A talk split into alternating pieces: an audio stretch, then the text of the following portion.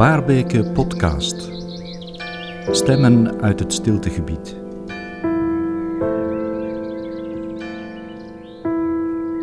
Stel je voor dat er royaal veel stilte, ruimte en tijd zou zijn om echt contact te maken met anderen, ook als die andere tot een andere bevolkingsgroep behoort, ook als die andere je slecht heeft bejegend of als die een misdrijf heeft gepleegd.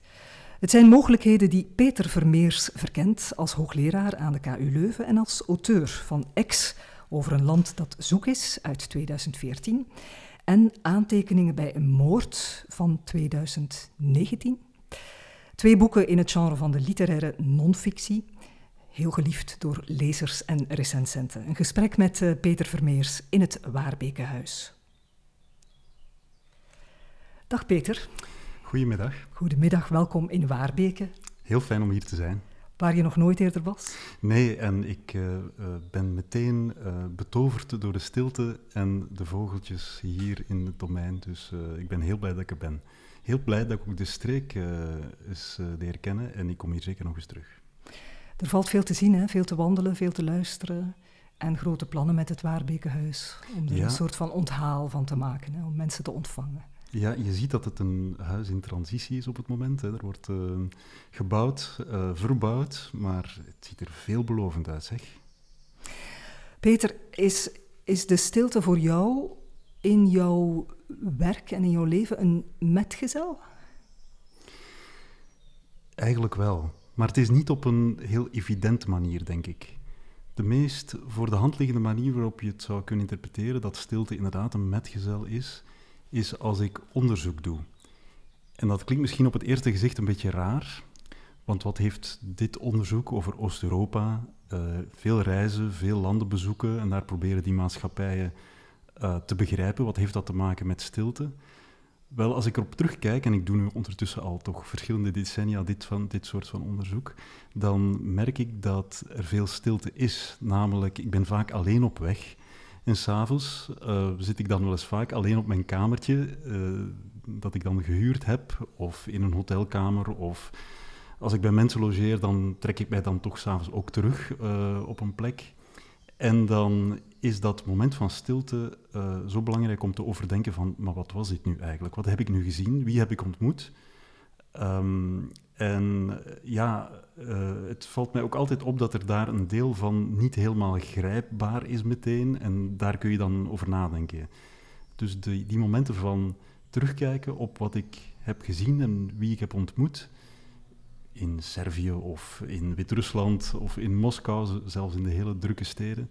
Die zijn superbelangrijk om je gedachten daarover te vormen. En eigenlijk zou je kunnen zeggen dat die boeken die ik geschreven heb over de Balkan en dan, we zullen het straks wel hebben over die, uh, die moordzaak ook, boeken zijn die in dat moment zijn ontstaan. Dat moment van terugkijken in stilte naar wat is er nu net gebeurd? Hoe, hoe begrijp ik dit? Hoe, hoe verhoud ik mij tot uh, wat er is gebeurd? En hoe, hoe heb ik eigenlijk mij gedragen in die uh, complexe realiteit?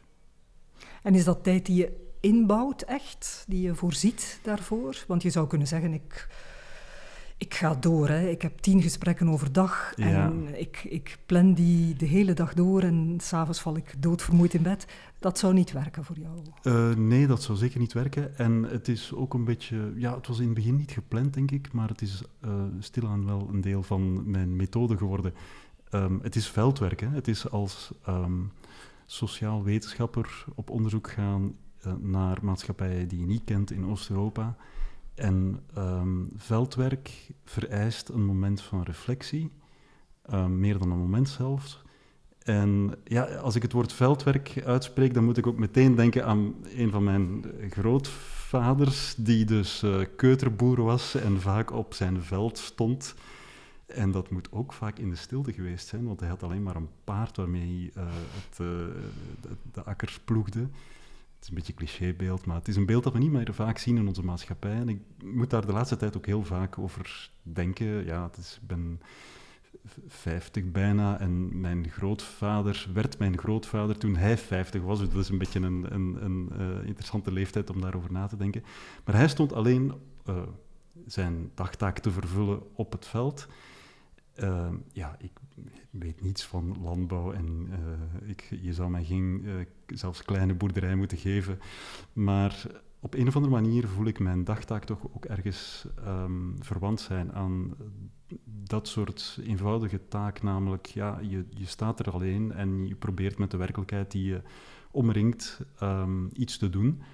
Um, en ja, ik denk om op je vraag terug te komen, Christine, ik heb inderdaad in de loop van de jaren wel dat moment van bezinning ingebouwd in mijn werk, dat ik telkens terugkwam daar naartoe om daarover te kunnen schrijven. Stilte is ook nodig om te kunnen schrijven. Het is een andere vorm van stilte op een of andere manier. Het is gewoon een vorm van stilte. Ik herken het wel. Ik heb voor radio reportages gemaakt en uh, het werd stilaan traditie om na hele drukke, overvolle dagen toch een halve dag ja. los te laten. En dat, dat zijn de halve dagen die mij nog altijd bijbleven. Voilà, dat is wel, ja. Waar misschien ook andere gesprekken gevoerd worden, als er al gesprekken gevoerd worden. En weet je of, je, ook of je gaat wandelen. Of, eh, ja, ja en, en, maar ook in ja, Oost-Europa. Ik ben naar Oost-Europa beginnen gaan in het begin van de jaren negentig. Dat is natuurlijk een hele wervelende tijd, een, een oorverdovend luide tijd zou je bijna kunnen zeggen. Maatschappij in volle verandering, in volle transformatie. Een beetje zoals stiltehuis momenteel in volle transformatie is. Die landen werden herbouwd en alles was spannend, uh, maar alles was ook wel heel luid. Een um, soort van hele, bijna agressieve omarming van uh, het kapitalisme en van het commercialisme. En dus had je natuurlijk dat aspect, maar ook heel veel overblijfselen natuurlijk van uh, vorige maatschappijen, van uh, ja, eenpartijstaten die burgers onderdrukten, die vooral de, vrije mening uh, toch een beetje proberen te onderdrukken. En enfin, maatschappijen met erfenis. Die, um, en die twee dingen zijn dan samengekomen in de jaren negentig. Dus met andere woorden, om in die chaos ook een beetje naar overzicht te kunnen zoeken, was zo'n moment van stilte ook wel uh, superbelangrijk. Mm. En er was ook het nationalisme dat opnieuw de kop opstak. Ja. En wat bij uitstek ja, gepaard gaat met het eigen grote gelijk en het luide roepen. Ja. Um, dat is ook natuurlijk onderdeel van je, van je vakgebied. Hè? Die, uh, ja. discussies tussen ja, bevolkingsgroepen, minderheden, meerderheden enzovoort. Um, alles behalve stil, denk ik dan. als het over Oost-Europa gaat, is natuurlijk een heel groot gebied. Hè. En ik heb natuurlijk geen uh, onderzoek gedaan in alle landen van Oost-Europa, alle landen die tot het voormalige communistische blok behoren. Um, ja, het zijn kleine deeltjes daarvan. Um, in de Balkan had je, um, toen ik daar onderzoek deed, en dat kun je ook lezen in, in, in, het, in het boek, in, in X, heb je die lange en nasleep van dat, van dat conflict daar nog eens bij. Dus ja, Bosnië in 1995 zijn daar de wapens beginnen zwijgen, zal ik het maar zeggen, zal ik maar noemen. Eh, maar uiteraard, zo'n conflict duurt langer en in de hoofden van mensen is het uh, behoorlijk luid. En daar komt nog bij dat, ja, dat zijn maatschappijen in transformatie, maar dan komt nog die erfenis er nog eens bovenop. Um, is een heel andere situatie als je naar Wit-Rusland gaat. Ik was in 2016 nog in Wit-Rusland. Ja, je zou kunnen zeggen een vrij uh, stabiel gebied en daarom ook geen gebied waar conflict heeft uh, geheerst. Um, maar uiteraard ook uh, heel veel spanning in die maatschappij op een dieper niveau, omdat je daar nog in een heel onderdrukkende dictatuur leeft eigenlijk. politiek systeem zit, wat totaal geen vrijheid ja. biedt. Ja.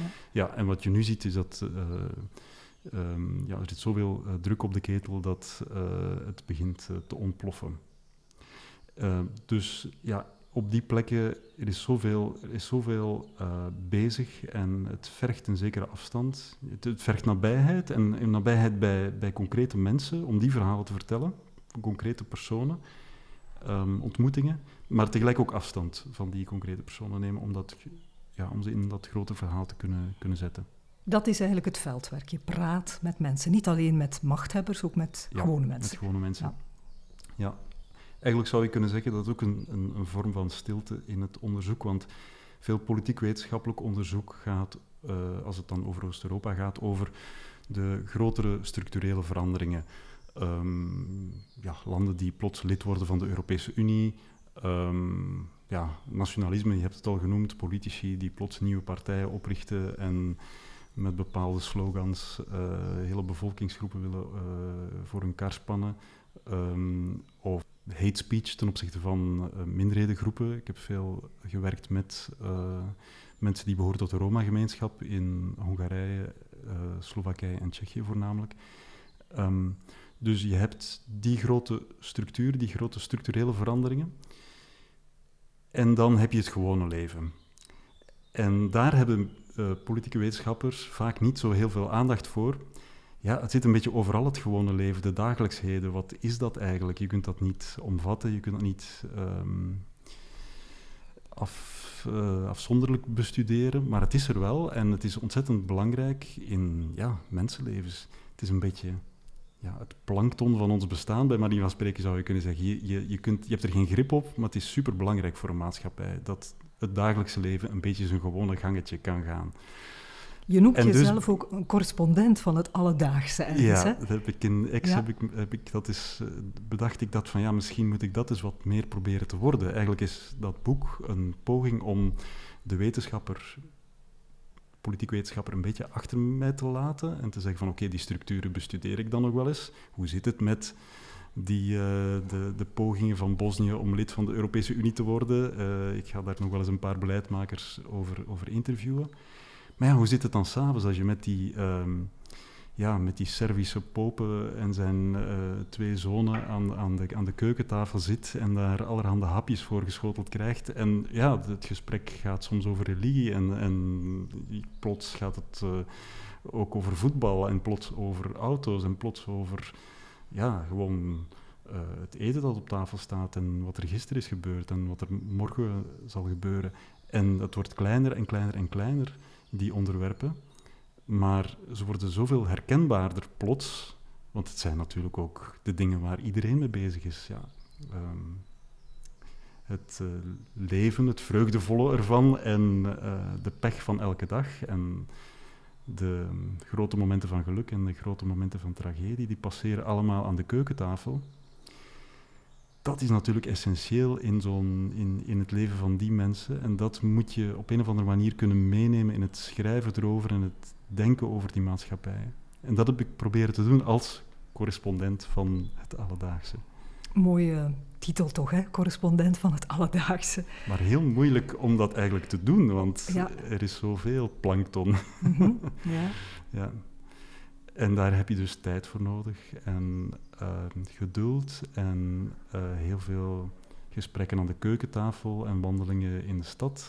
Uh, en zelfs al is de stad dan luid, op een of andere manier zou ik zeggen, op een metaforische manier zou ik kunnen zeggen, dat gesprek is een vorm van stilte. Het is aftasten wat het kleine in ons uh, leven allemaal betekent voor die mensen.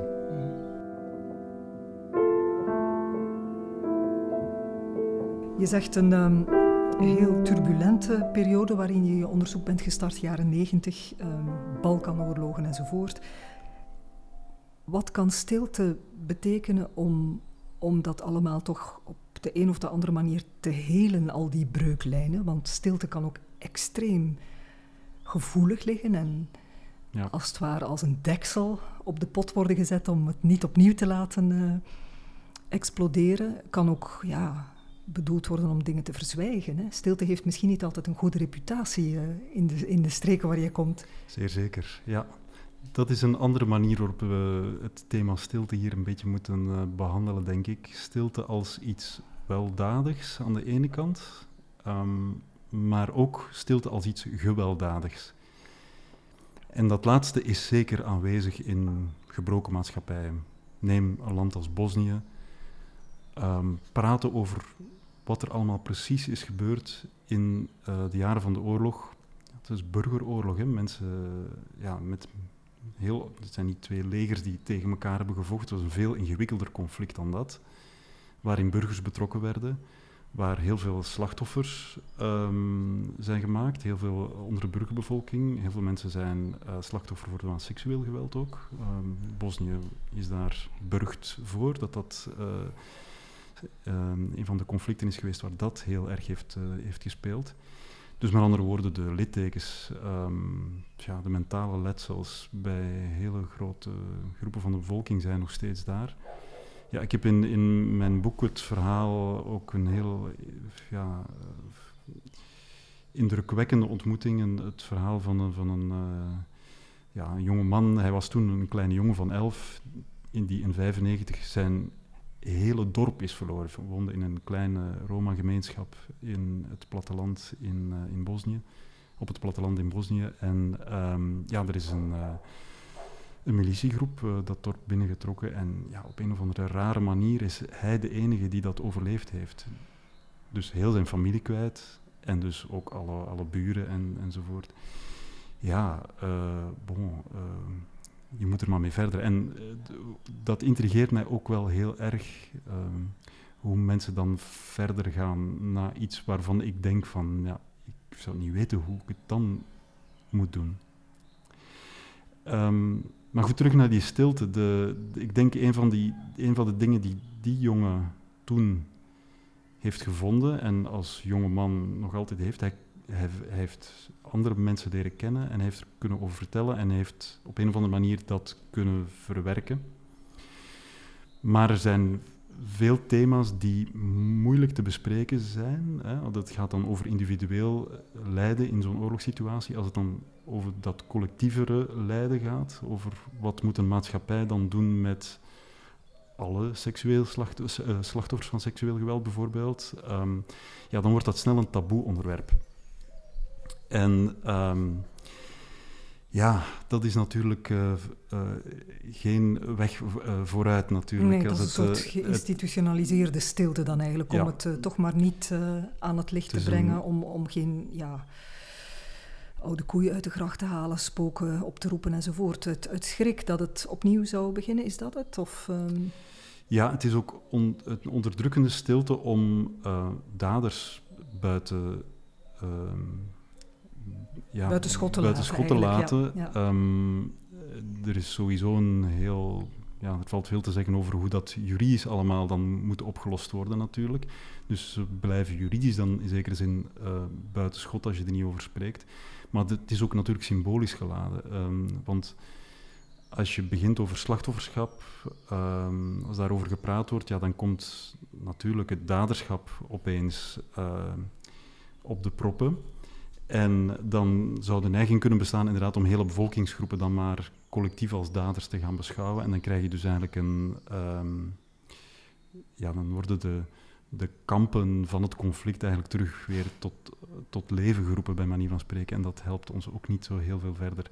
Dus ik zie wel hoe je ertoe komt om dat te zeggen, maar laten we er gewoon niet meer over spreken. Dat is nog het gemakkelijkst, we gaan verder. Maar het is, uh, ik heb ooit eens iemand horen zeggen, het is alsof je dan een landmijn begraaft in de hoop dat er niemand meer zal optrappen. Ja, vroeg of laat trapt er wel weer eens iemand op en dan is het, blijkt het uh, niet opgelost te zijn. Enfin, er zijn veel metaforen voor, he. de etterende wonden, ja. noem maar op. Alles gaat ehm, voorbij, behalve het verleden. Ja, ja, ja Huizen ja, ja, heeft daar ook uh, prachtige dingen over geschreven. De, ja, dat, dat zijn de thema's waar het dan over gaat. He. En dat is die uh, onderdrukkende stilte, die gewelddadige stilte waar je eigenlijk over onderwerpen niet mag spreken. Um, en dus met andere woorden, uh, de onder, ook geen stap vooruit kunt zetten.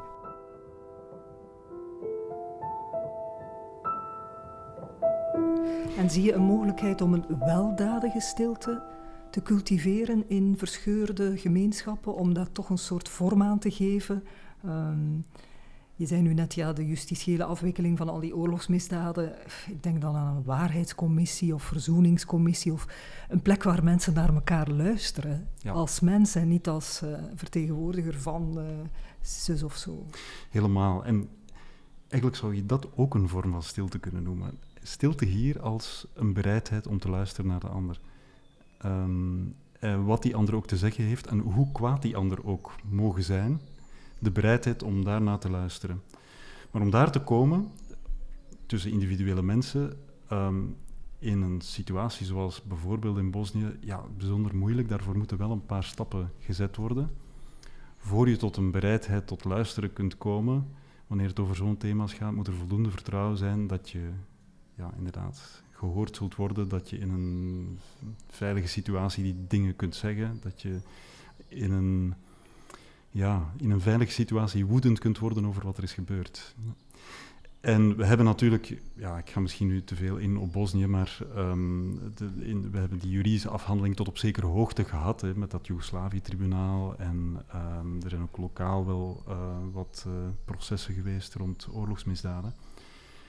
Um, maar ja, je kunt maar tot zo ver gaan met zo'n justitieel proces. Op een gegeven moment gaat het over hoe verhouden wij tot ons tot de andere mensen. Um, justitie kan enkel, zelfs in een Joegoslavië-tribunaal, ja, uiteindelijk proberen zoveel mogelijk dingen bloot te leggen, de waarheid naar boven te brengen en dan vervolgens uh, al dan niet veroordelen en al dan niet straffen.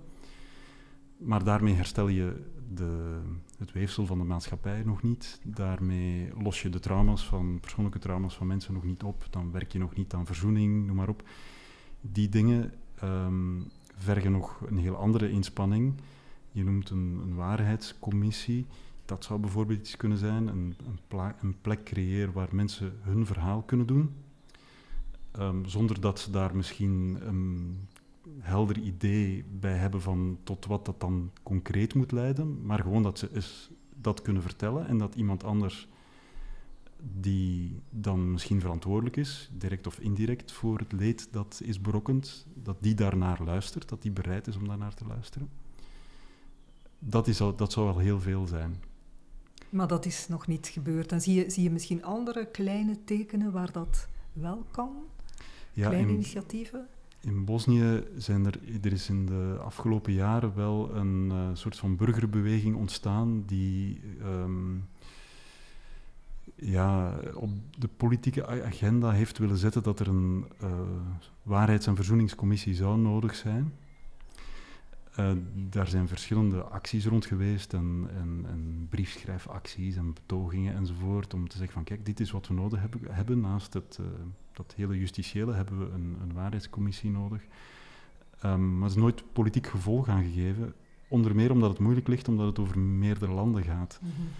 Dus je zou eigenlijk al iets moeten doen wat volgens mij ter wereld nog niet bestaat. Het zou een primeur zijn dat je een waarheids- en verzoeningscommissie hebt die um, ja, over de grenzen van nationale staten opereert en daar een bepaalde uh, ja, gelijke erkenning krijgt over die grenzen heen. Dat is er tot nu toe nog niet gekomen. Maar je ziet de appetijt wel bij veel mensen om dat zoiets te hebben. Um, in 2014 onder andere, uh, herinner ik mij, was er zo'n, nogal een woelig voorjaar, heel veel protesten. Um, mensen kwamen op straat in Sarajevo omdat ja, ze hadden het gevoel er is te veel corruptie in het land, uh, we verdienen niet genoeg. Uh, politici gaan met al het geld lopen omdat ze deals hebben met bepaalde investeerders en zo. En de gewone mens blijft achter. Toen waren er interessante burgerbetogingen die over die thema's gingen.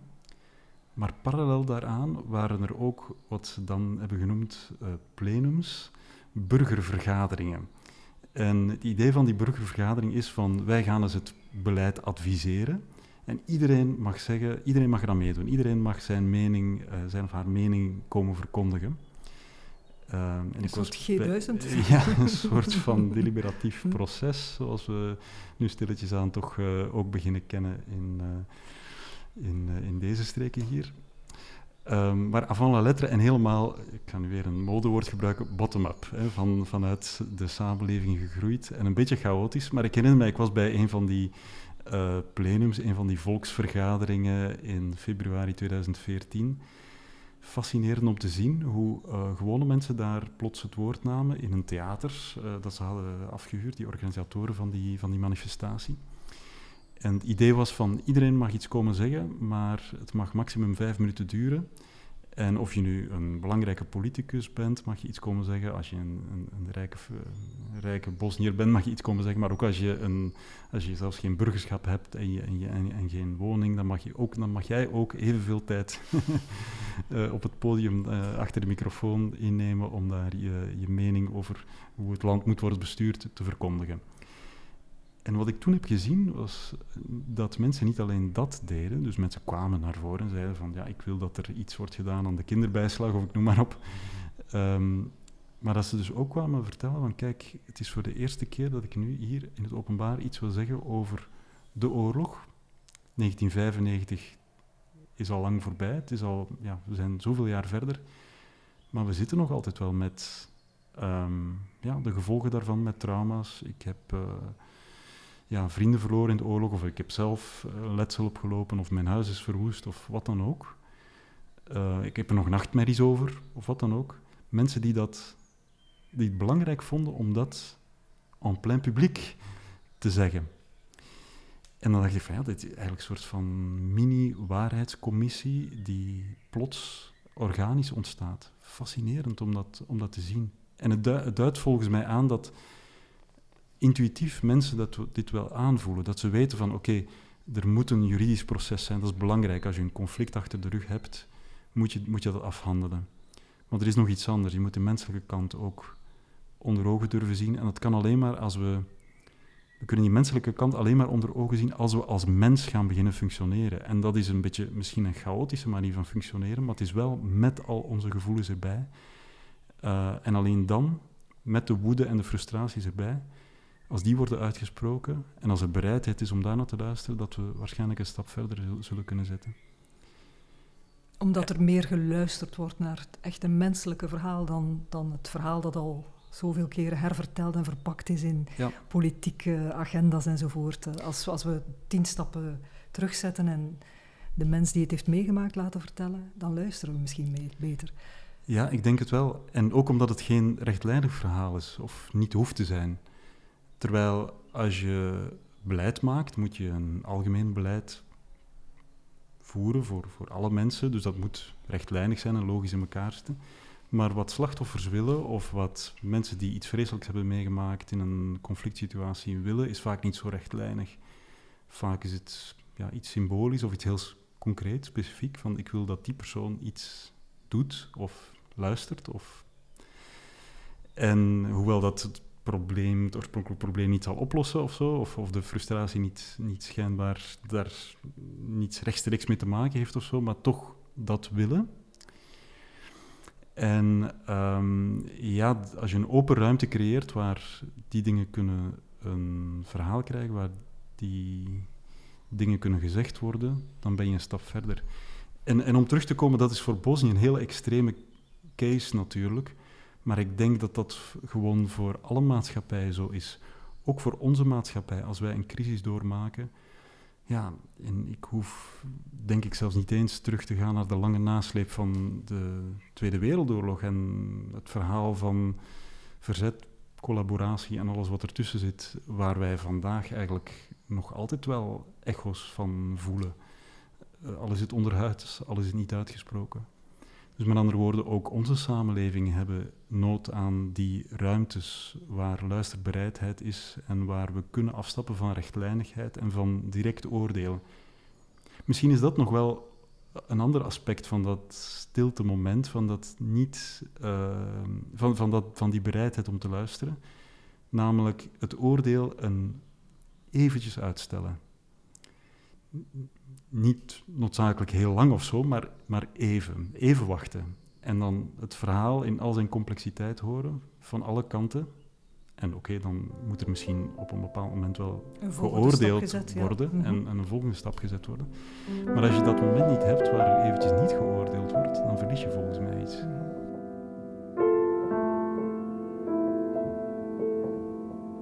Peter van de Balkan naar België. En ehm, oordeel opschorten, dat brengt ons uh, bij het thema van je, van je nieuwe boek Aantekeningen bij een moord. Je was um, uitverkoren om deel te nemen aan een volksjury van een assiseproces. Uh, je hebt misschien je oordeel even kunnen uitstellen, maar uiteindelijk moest het dan toch wel geveld worden, dat oordeel. Um, en ja, er is een overduidelijke link volgens mij tussen beide boeken en, en tussen de rest van je, met de rest van je werk ook. Namelijk dat je hier ook mensen los ziet van de rollen waarin ze uh, verzeild zijn geraakt. En het zijn er veel hè, bij een assiseproces. Bijna iedereen die daar zit heeft zo'n welbepaalde rol. Van slachtoffer tot, uh, of nabestaande van een slachtoffer, tot dader, tot, tot alle juridische personeel, uh, justitieel personeel. En jij dan als jurylid. Ja. Um, ja, vertel eens, wat, wat, Het staat in het boek, hè, het is een lang verhaal, maar uh, wat, wat neem je mee daarvan? Van, in, de, in de context van, van een, een stilteruimte is natuurlijk niet zo'n zo'n rechtszaal. Hè. Dat is het tegenovergestelde daarvan, denk ik.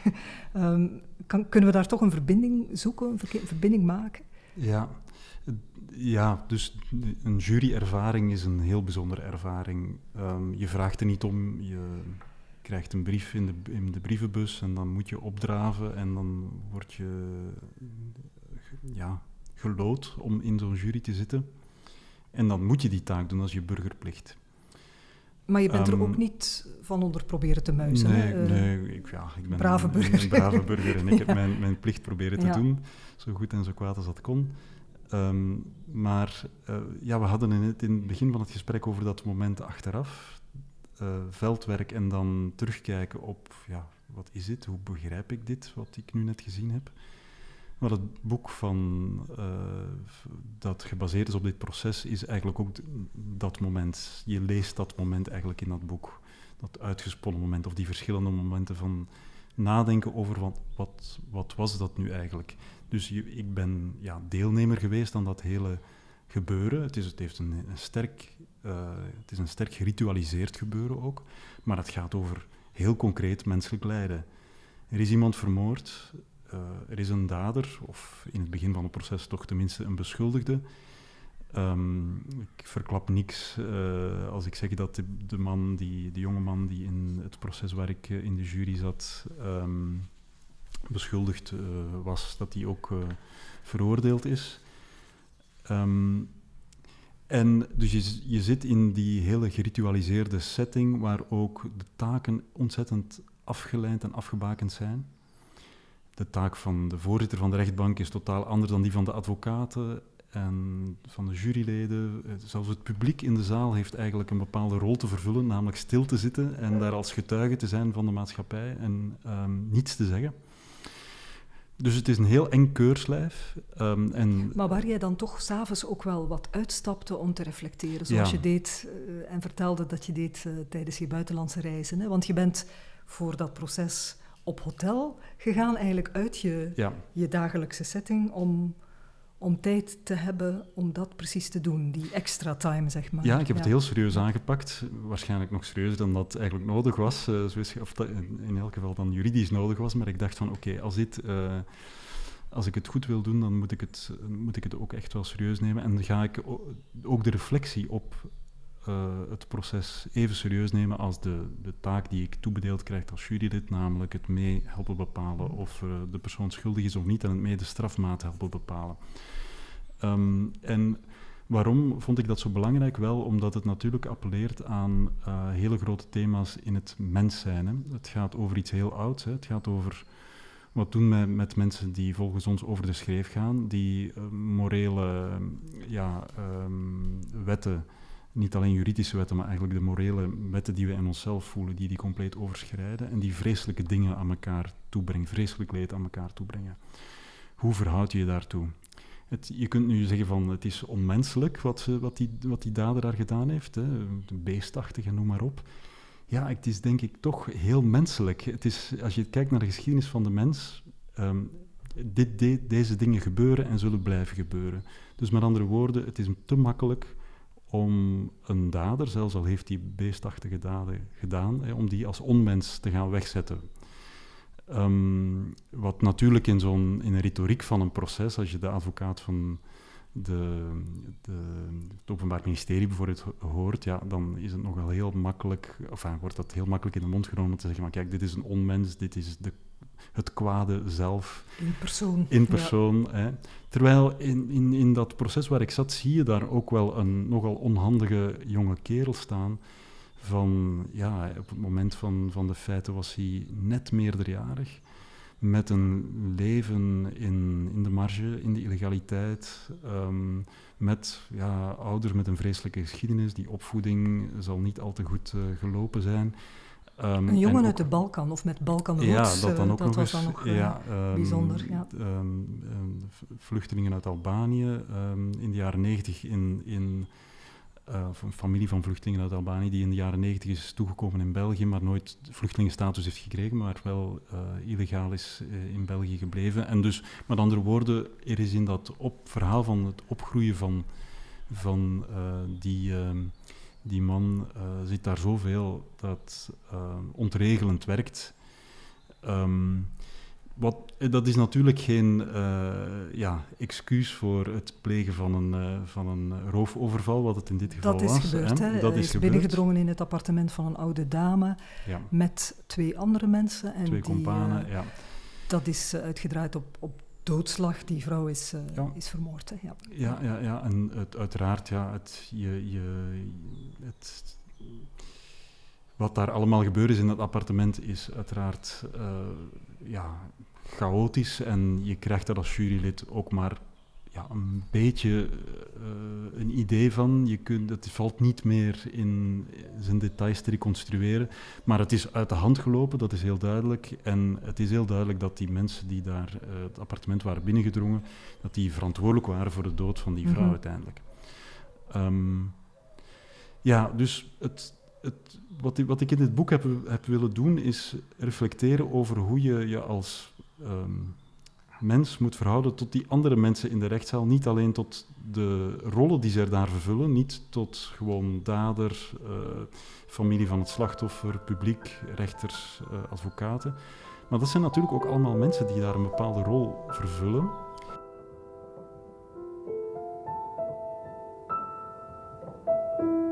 Misschien moet je even een stukje voorlezen, Peter. Um, Doe ik graag. Ja. Even situeren. Uh, uh, de beschuldigde wordt in het boek aangeduid met de letters EJ. En uh, er is nog een personage in, in dit fragment en dat heet... geen personage, een mens. Ja.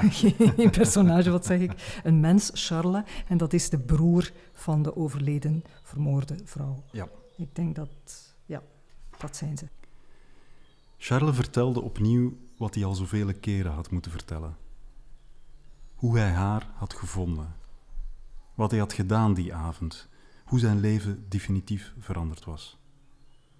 De details deden ertoe en daarom beschreef hij zo precies mogelijk wat hij al zo vaak had beschreven. Het aanbellen, het geluid van de televisie, de rommel, het bloed op het tapijt, hoe hij haar koude, stijve wang aanraakte en hoe dat voelde. Een paar seconden leek hij dat tragische moment opnieuw te beleven. Je zag dat aan zijn gezicht. Hij vertelde dat hij haar creditcard wilde laten blokkeren, maar dat hij in een moment van paniek niet meer had geweten hoe je dat moest doen. Zijn stem brak toen hij zei dat iemand hem had moeten helpen. Hij slikte moeilijk. Hij liet geen tranen zien. De magistraten en advocaten stelden hem vervolgens enkele vragen die hoofdzakelijk over onduidelijkheden in eerdere getuigenissen gingen, en hij probeerde daar zo precies mogelijk op te antwoorden. Hij had weinig toe te voegen aan wat al bekend was. Dat de overvallers op zoek waren geweest naar juwelen, ja, dat had hij ook bizar gevonden. Hij haalde zijn schouders op. Zijn zus had volgens hem nauwelijks juwelen, laat staan dat ze die ergens in de badkamer zou hebben laten slingeren. En toen kwam een onverwachte onderbreking. Achter het glas kwam E.J. opeens onhandig overeind. Hij vroeg beleefd het woord. De voorzitter stond dit toe. Hij sprak Charles toe en zei dat het hem speet. Niets van wat er die avond was gebeurd was ooit de bedoeling geweest en dat speet hem echt, zei hij. Hij lag er al jaren wakker van. Charles keek hem verwonderd aan. In een defensieve reflex trok hij zijn wenkbrauwen op en even leek het erop dat hij kwaad zou worden. Hij keek E.J. stuurs aan en zei dat hij daar wel eens eerder had aan mogen denken, aan spijt. Ook hij zelf had al drie jaar niet meer goed geslapen. Erger nog, hij was sterk vermagerd en zijn gezondheid had er erg onder geleden. Dat zei hij. En ik verwachtte zijn woede, zijn onbegrip, zijn weerzin. Maar er gebeurde niets. Er gebeurde iets anders. Iets wat nauwelijks te zien was, maar alle verschil maakte. Er volgden enkele seconden stilte.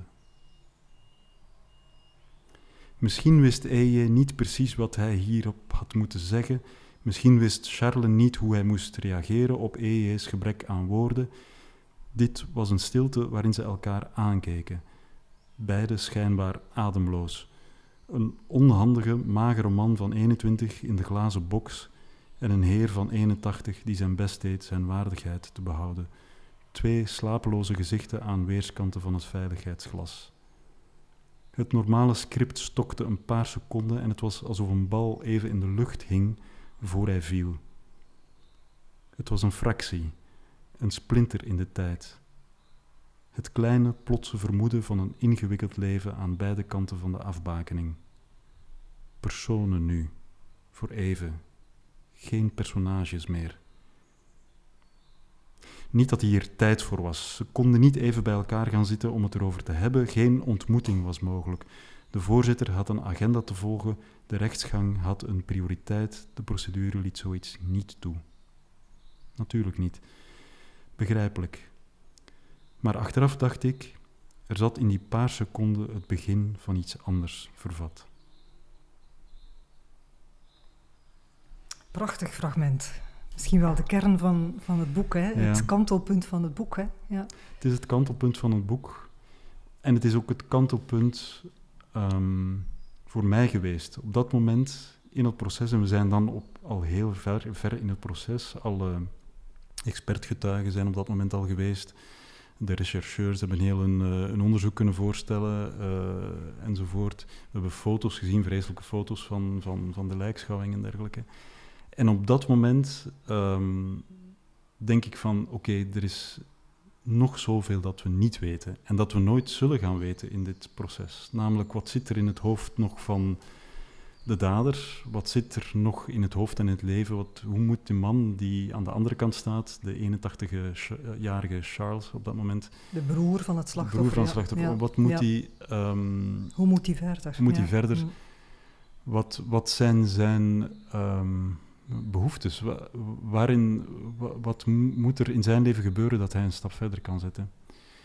Want ondanks het feit dat EJ dan veroordeeld is, is dit niet echt een afgerond geheel geweest. Hè? Het is een ongelooflijke machinerie, assiseproces. Er is heel veel, veel discussie over, moeten we dat nog wel doen? Heel duur en tijdrovend enzovoort. pogingen om dat af te schaffen zijn mislukt, dacht ik. Maar... Ehm, eigenlijk is het toch onbevredigend. Of was jouw ervaring toch onbevredigend van dit brengt eigenlijk geen zoden aan de dijk? Iemand is gestraft, iemand is dood en ja. we kunnen niet zomaar verder gaan. Er moet nog meer gebeuren. Klopt, ja. Het brengt alleen maar zoden aan de dijk als je binnen een juridisch kader kijkt. Dus binnen, binnen de, het juridische verhaal is helemaal afgewerkt. We hebben alle stappen doorlopen. Ja. En op, op, op die feiten staat die straf en, enzovoort. Ja. En wat, wat, wat een juridisch proces ook zeer goed in is, hè, en het is, ik vind het ook heel belangrijk dat we dat hebben. Dus uh, ik, er zijn veel discussies over assise, dat gaat dan ook over de volksjury en zo. Uh, um, het is belangrijk dat we die, dat we die uh, discussies hebben, maar het, het, is over het algemeen natuurlijk ook wel heel belangrijk dat we een rechtsstaat hebben die procedures kent die glashelder zijn en die tot een uitkomst kunnen leiden. Want dat is eigenlijk wat elk uh, juridisch proces doet. Hoe ingewikkeld het ook is, met procedure, slagen en weet ik veel, op het einde van de rit is er altijd wel een heldere uitkomst. Het is schuldig of niet schuldig, het is ja of nee, het is straf of geen straf. Um, het is altijd iets. Dus van, vanuit die kant bekeken zou je kunnen zeggen, het brengt zoden aan de dijk. Het is nuttig, uh, we, het is nodig. Maar het is niet genoeg. Maar het is niet genoeg, want je hebt die hele machinerie van dit assiseproces. Inderdaad, ja, heel veel tijd, heel veel energie, heel veel uh, menselijke emotie die daarin wordt geïnvesteerd. Um, om dan uiteindelijk tot de slotsom te komen dat we het nog altijd niet weten.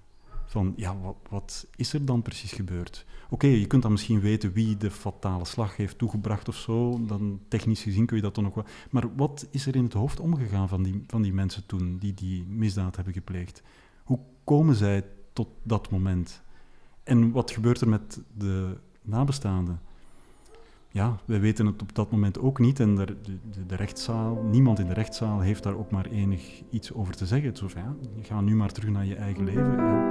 En, en voilà, voor ons is het afgerond. Maar, het is niet afgerond. Ja, en voor...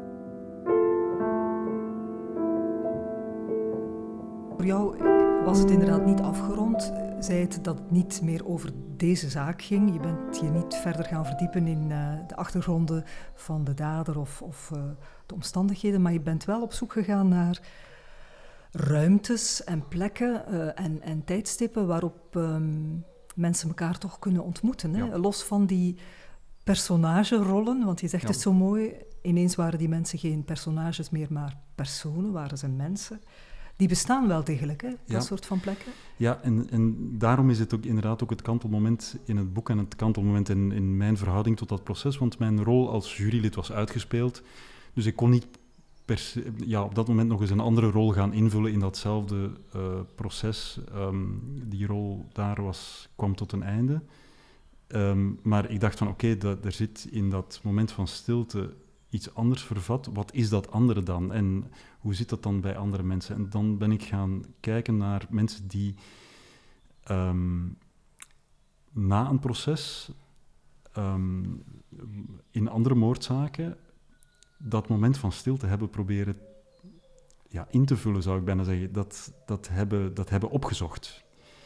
Um, en we komen hier in het domein van wat dan herstelrecht wordt genoemd slachtoffer-dader ontmoetingen, zo worden ze ook wel eens beschreven. En we hebben daar, het is misschien nog te weinig bekend, maar in, in dit land ook wel al een hele mooie um, um, reputatie, zou ik bijna zeggen, van ervaringen opgebouwd. In, um, er zijn verschillende organisaties daarmee bezig. Onder andere een belangrijke organisatie waar, met wie ik heb samengewerkt in, in dit boek, Moderator. Dus die mensen organiseren dat moment van stilte, zou je kunnen zeggen. Dus ze brengen slachtoffers en daders bij elkaar um, en zeggen: um, Oké, wij gaan niet bepalen wat je moet zeggen. Er is, alles kan gezegd worden. Wij creëren gewoon de ruimte waarin alles gezegd kan worden. En dat betekent heel concreet: iemand uh, in de gevangenis praat met nabestaanden van een slachtoffer. Ja. Rechtstreeks er zijn allerlei vormen mogelijk. met dezelfde zaak? Of, of kan het ook ja, ruimer? Of, uh, ja? Dat is interessant dat je dat vraagt. Dus um, ja, dus de, de, wat, wat wel eens uh, wat vaak gebeurt is dat um, de moderator, uh, die organisatie, brengt slachtoffers en daders bij elkaar van één misdrijf. Neem bijvoorbeeld een nabestaande van, een, van, een, van iemand die vermoord is en uh, iemand die voor die moord in de gevangenis zit. Vaak hebben die mensen wel iets tegen elkaar te vertellen, al is het maar dat ze elkaar eens de huid willen volschelden. Mm -hmm. um, als ze, als ze willen, het is iets vrijwilligs. Het, nee, nee, het, ja. het, het, is een mogelijkheid die mm -hmm. geboden wordt. Um, er is vaak een grote vraag aan de kant van de daders die iets willen uitleggen nog, waarvan ze het gevoel hebben gehad van ja, maar ik heb dat niet kunnen uitleggen. In de rechtbank. In de ja. rechtbank, want toen was er van alles bezig en, enzovoort. Of ik zit in een ander moment in mijn leven nu en als ik daarop terugkijk, dan zie ik toch hoe vreselijk uh, het allemaal was en ik wil daar iets over zeggen. Of ik wil spijt betuigen of wat dan ook. Um, dat is belangrijk, maar het gaat niet alleen daarover. Het gaat niet alleen over een, een, een dader die zich probeert. Um, vaak wordt dan gezegd van ja, probeert hij zich dan niet goed te spreken of mm -hmm. zo. Of het gaat niet alleen over uitleggen van wat er precies is gebeurd. Vaak is het ook van aan uh, de, de, de, mensen die nabestaanden zijn of slachtoffers gewoon een, een behoefte om ja, die mensen in een andere context te zien um, of meer erover te weten om die volgende stap te kunnen zetten. Of om, zoals ik al gezegd heb, kwaad op te kunnen zijn, maar rechtstreeks, zonder dat, um, dat in een rechtszaal krijg je daar de, de kans niet toe.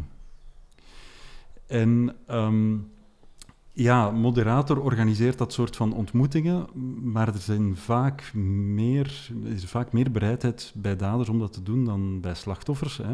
Je kunt je wel inbeelden, het vergt natuurlijk ook een, veel moed. Ehm, het, is een, uh, het is een gedurfde zet om te zeggen van ik ga terug naar dat moment van stilte, zoals we het net hebben beschreven. Ik ga daar naar terug gaan en ik ga dat opzoeken, omdat ik het gevoel heb dat er, wat er dan ook gebeurt, en ik weet niet wat er gaat gebeuren, dat ik dan een stap verder ga kunnen zetten. Oké? Dus mensen die dat doen, hebben vaak indrukwekkende uh, ervaringen te vertellen, maar het is ook begrijpelijk dat niet iedereen dit durft of wil, maar misschien wel ergens toch met die frustratie zit en toch ook wel iets wil, uh, uh, ja, iets wil meemaken in die zin, dan niet met de dader op zich. Um, en er bestaan dus ook um, groepsgesprekken waar je dus mensen hebt, ik noem ze dan nu maar eens voor, de, voor het gemak nog steeds daders en slachtoffers. Maar het gaat dus over de volledige personen met alles wat ze zijn en, en, en de geschiedenis die ze met zich meebrengen samen in één kamer en gesprekken, die, die mensen hebben dan gesprekken over hun levens. Um, en ook dat is een vorm van herstelrecht. Dus dan heb je, um, een, het om, dan, om, het even concreet ja. te maken, dan heb je een groep daders, zoals je zegt, van verschillende misdrijven en slachtoffers en nabestaanden van andere misdrijven. Het, het, heeft niet rechtstreeks met je eigen zaak te maken, maar je ja. zit in één kamer met ja. Iemand die een andere rol uh, vervult en die voor eeuwig uh, in, in dat personage gecast is. Het is de bedoeling om, om, die, om die casting wat te doorbreken dan? Of om dat is het helemaal. Ja, dat is het helemaal. te maken, ja? Dus wat, wat gebeurt... Dus ik heb zelf dan eh, aan zo'n gespreksgroep ja. uh, deelgenomen. In de gevangenis van... In, ja, de, gevangenis, de gevangenis van Ieper, ja. ja. Um, waar een gespreksgroep werd um, georganiseerd uh, met zes mensen. Dus drie mensen die in de gevangenis zitten, um, die veroordeeld waren voor daden, en dan drie slachtoffers, van, uh, waar ik dan één van was. Ja, ik moet er misschien ja, ja, je moet even nog bij iets vertellen. extra vertellen, Peter. Je bent behalve jurylid ook zelf slachtoffer geworden in een andere zaken, een ja, carjacking meegemaakt. Een carjacking. Ja. Nu, misschien moet ik daar ook niet al te veel over vertellen, in die zin dat... Um, het was, in, het was een, een, een, ervaring die ik een paar jaar geleden heb gehad. Een, een vriend van mij, we werden, werden beroofd in Brussel en um, de auto van mijn vriend, van die vriend werd, werd gestolen en het was nogal gewelddadig.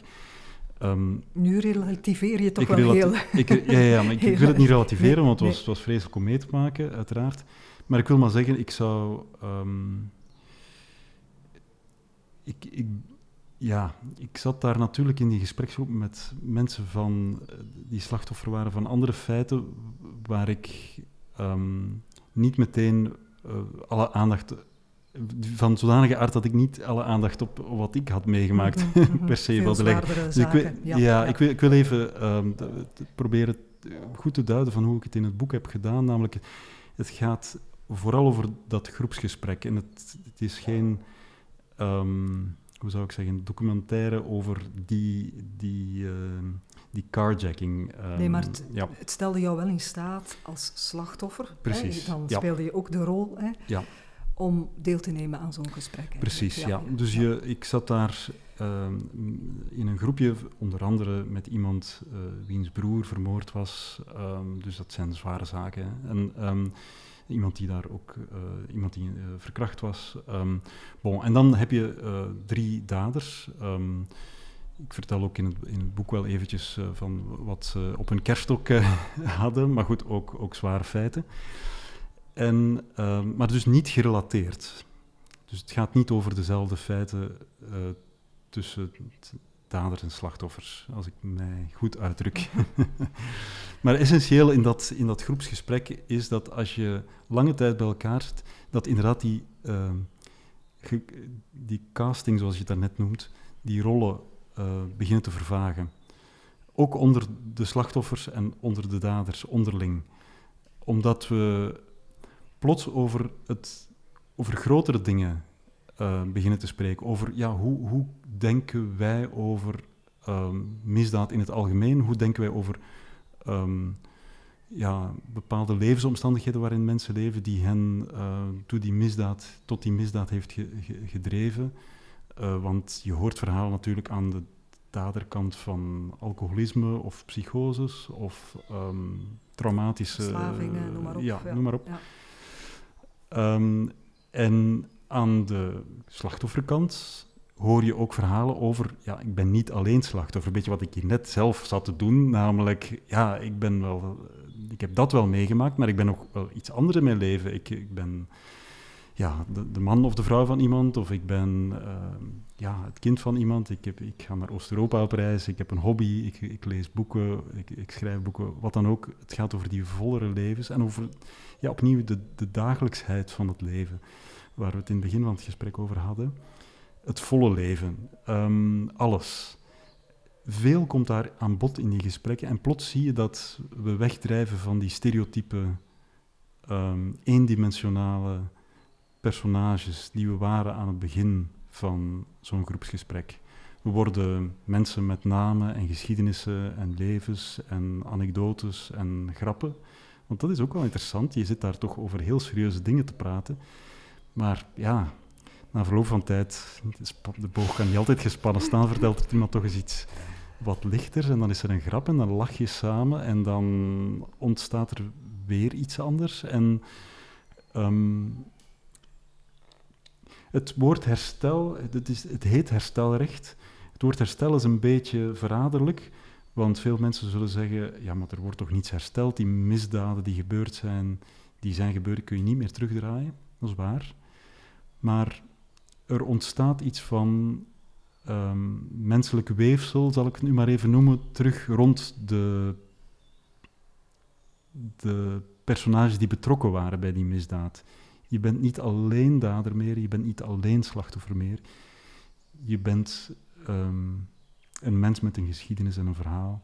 Dat... En een overlappingsgrond met die andere mensen in de ruimte. Ja, en dan vind je natuurlijk allerlei uh, ja, zaken waarin je, je, je, waarin je elkaar, um, waarin je voelt dat je dicht bij elkaar zit. Zelfs al um, zijn er vreselijke dingen gebeurd en, en, heeft iemand vreselijke dingen gedaan, dan merk je van ja, maar ja, oké, ik voel dat ook wel zo aan en ik heb dat ook graag. En ah ja, oké, um, dit is in jouw leven gebeurd, maar daarvoor, wat daarvoor gebeurd is, daar vinden we veel van elkaar in terug. We houden van dezelfde muziek bijvoorbeeld, of um, ja, we hebben over bepaalde wereldproblemen hetzelfde idee, of net het tegenovergestelde idee. Uh, we verschillen daar van mening, maar we hebben een discussie alsof we op café zouden zitten en een discussie hebben uh, over hoe moet het nu verder met. Uh, ja, de, de, Amerikaanse politiek, of noem maar op, iets ver van ons bed.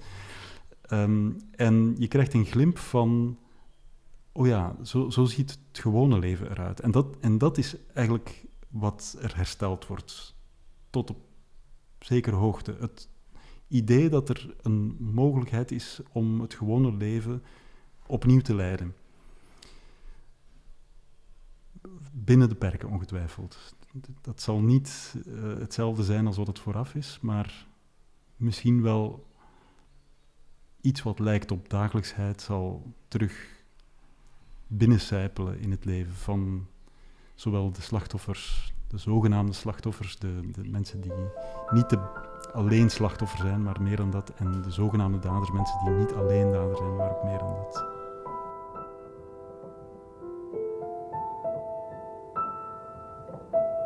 Is dat het, wat het jou heeft bijgebracht ook? Je zat daar natuurlijk in een dubbele rol als ja. um, observator die een, een, boek aan het maken was, maar, maar anderzijds ook effectief als slachtoffer van die ja. carjacking.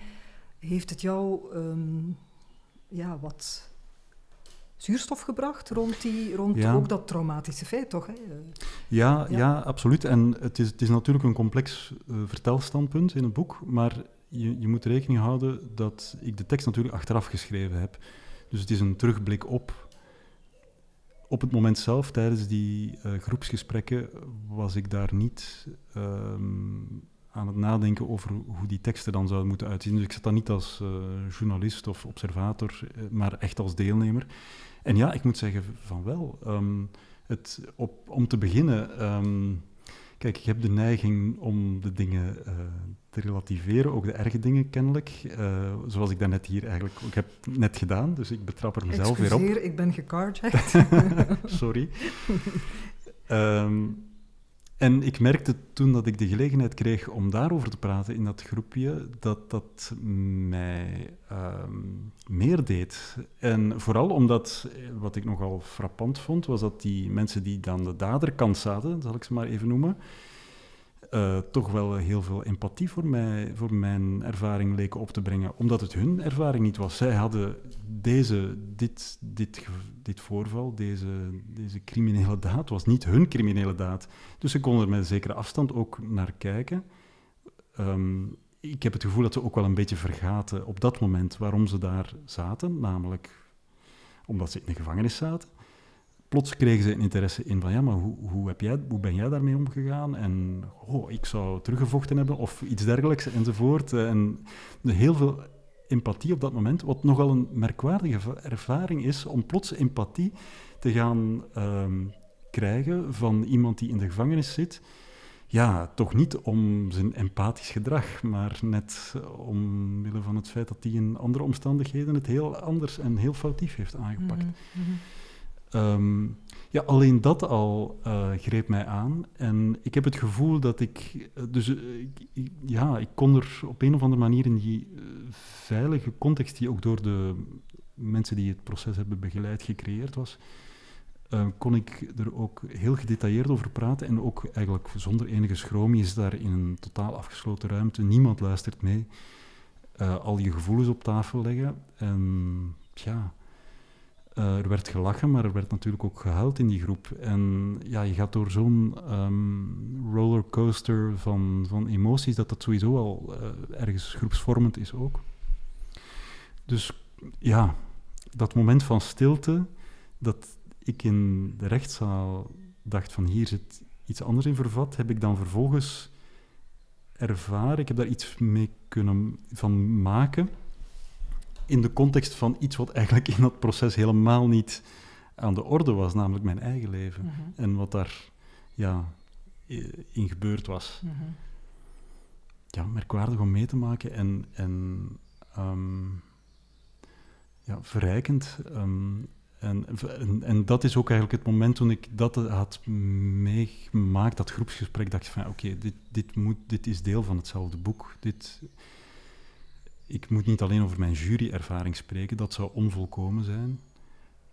Dat is bijna een soort van verslaggeving uit de, uit de rechtbank. Dat kennen we eigenlijk wel een beetje, hoewel misschien niet van het perspectief van een jurylid, mhm. maar we kennen het wel een beetje. Maar dat tweede komt eigenlijk, die, die, die gesloten doos van dat soort groepsgesprekken. Mhm dat lees je toch nergens. ik, ik, had, ik, had, het gevoel om daar, eh, ik voelde een behoefte om daar verslag van, of mhm. getuigenis van af te leggen, laat ik dat mhm. woord maar gebruiken, van, van dat deel. Mhm. Ehm, en dus dat, het boek valt, gaat dus over meer dan, dan um, het assiseproces op zich. De rechtszaak op zich. Ja. En dan beweeg je weer in de richting van dat correspondentschap van het al alledaagse, van de gewone mens achter al die maskers en rollen enzovoort. Hè. Eigenlijk is dat hetzelfde. En nu moet je weten dat ik dat nu niet zo uh, gepland heb. Um, namelijk, het, misschien drijft het mij automatisch in die richting. Ik weet het niet goed. Dat als ik met een onderwerp bezig ben, dat ik eh, bijna spontaan ook op zoek ga naar de, het bredere verhaal erachter en naar het alledaagse achter mhm. het spectaculaire ik had het niet zo gepland, maar het is wel zo uitgedraaid. En daar, daarom lijkt het boek dat over een assisezaak gaat in een Belgische context nogal fel op het boek dat ik gemaakt heb over de grote maatschappelijke veranderingen in de Balkan sinds de jaren negentig. Het is gek, maar die twee hebben op een of andere manier toch veel met elkaar te maken. Het zit in je. Misschien nog een, eh, een slotvraag, Peter. We hebben al een paar keer gesproken over dat moment van stilte waarin elk een soort van echte ontmoeting hmm. mogelijk is, met alle beperkingen van dien. Ehm, met alle oorlogen en trauma's en gruwelijkheden die mensen achter de rug hebben. Maar ja, moeten we dat niet meer gaan exploreren en stimuleren in de samenleving? Is dat een weg die wat steun kan gebruiken? Want nu is het bijna ja, een uitzondering nog. Hè? Soms zelfs een beetje subversief om dat te doen. Uh, ja, ja, ja, ja, En ja, ik denk het wel eigenlijk. Uh, en ik vind het fantastisch dat er hier in dit huis zoveel aandacht is voor stilte. Ik denk dat er in de samenleving, zo voel ik het toch aan, ook een groeiende gevoeligheid daarvoor is. Een beetje de rat race uh, proberen daaraan te ontsnappen en naar diepere dingen te zoeken. En de metafoor stilte, niet alleen letterlijk de stilte, maar ook de, de stilte als metafoor kan, kan, kan daar zijn rol vervullen. Um, maar ik denk ook dat, um, dat het op een of andere manier verder kan gaan dan letterlijk het stilmaken bij jezelf en, en ja, reflecteren in de natuur gaan wandelen. Het klinkt soms een beetje in de oren van veel mensen een beetje soft, hè, zo van ah, we gaan maar stilte is geen soft thema, vind ik. Het, is, het gaat... We hebben nu natuurlijk in, deze, in dit gesprek over heel serieuze dingen gehad. Hè. We zouden het ook over vrolijker aspecten van Oost-Europa kunnen hebben gehad. Hè. Uh, waar ook stilte... En muziek. Voilà. En, uh... Maar ook binnen, de, de, binnen daarbinnen, binnen die verandering in de maatschappij, is stilte een belangrijk iets. Um, drank en muziek en, en, en, en luide feesten op de Balkan. Je vindt ze om de haverklap en mhm. ik, uh, ik heb er veel uh, meegemaakt. En het is fantastisch om mee te maken, maar ook daarin um, komt er misschien iets naar boven wat in een andere context niet naar boven had kunnen komen. En dus zou je kunnen, ja, hoe gek het ook klinkt, een, een, een vorm van stilte noemen, namelijk een opening, een ruimte voor mensen om spontaan zichzelf te zijn uh, en dat op te zoeken onder vrienden uh, bijvoorbeeld, om te zeggen van kijk, hier moet ik niet performen, hier moet ik niet uh, de rol die ik normaal gezien in de maatschappij moet opnemen, opnemen. Ik kan hier zijn wie ik wil, ik voel hier vrijheid. Um, en dat is geen soft issue, vind ik. Dat is niet zomaar eventjes... Uh, of geen luxe issue. Hè. De, misschien heeft stilte zo'n beetje de, het, het, gevaar, of het hele stilte, de, gesprekken over stilte, dat het dat het als een luxe, ja, luxe voor in het thema... Ja, iets voor in het weekend, ja. En in de week gaan we door met presteren en uh, voilà. social media posts uh, tot uh, onze oren uitkomen. En in het weekend gaan we dan onthaasten.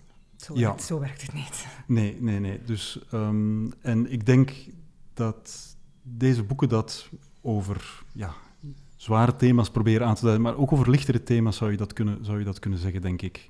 Namelijk, uh, stilte moet verweven zitten in ons leven en het is, um, is een, een, doelbewuste keuze om dat, om dat te gaan doen. En het vergt uh, moed om het te doen. Um, het, het, is niet iets wat je um, ja, uh, zomaar eventjes moet in de kantlijn zetten als een reservewiel dat je daar hebt. Nee, het is echt het is een, het is, het is de motor van ons, van ons menselijk samenleven van ons mensen en van ons samenleven. De beide zijn belangrijk eigenlijk. Ja. ja. Dankjewel Peter Vermeers voor dit gesprek en je interessante inzichten.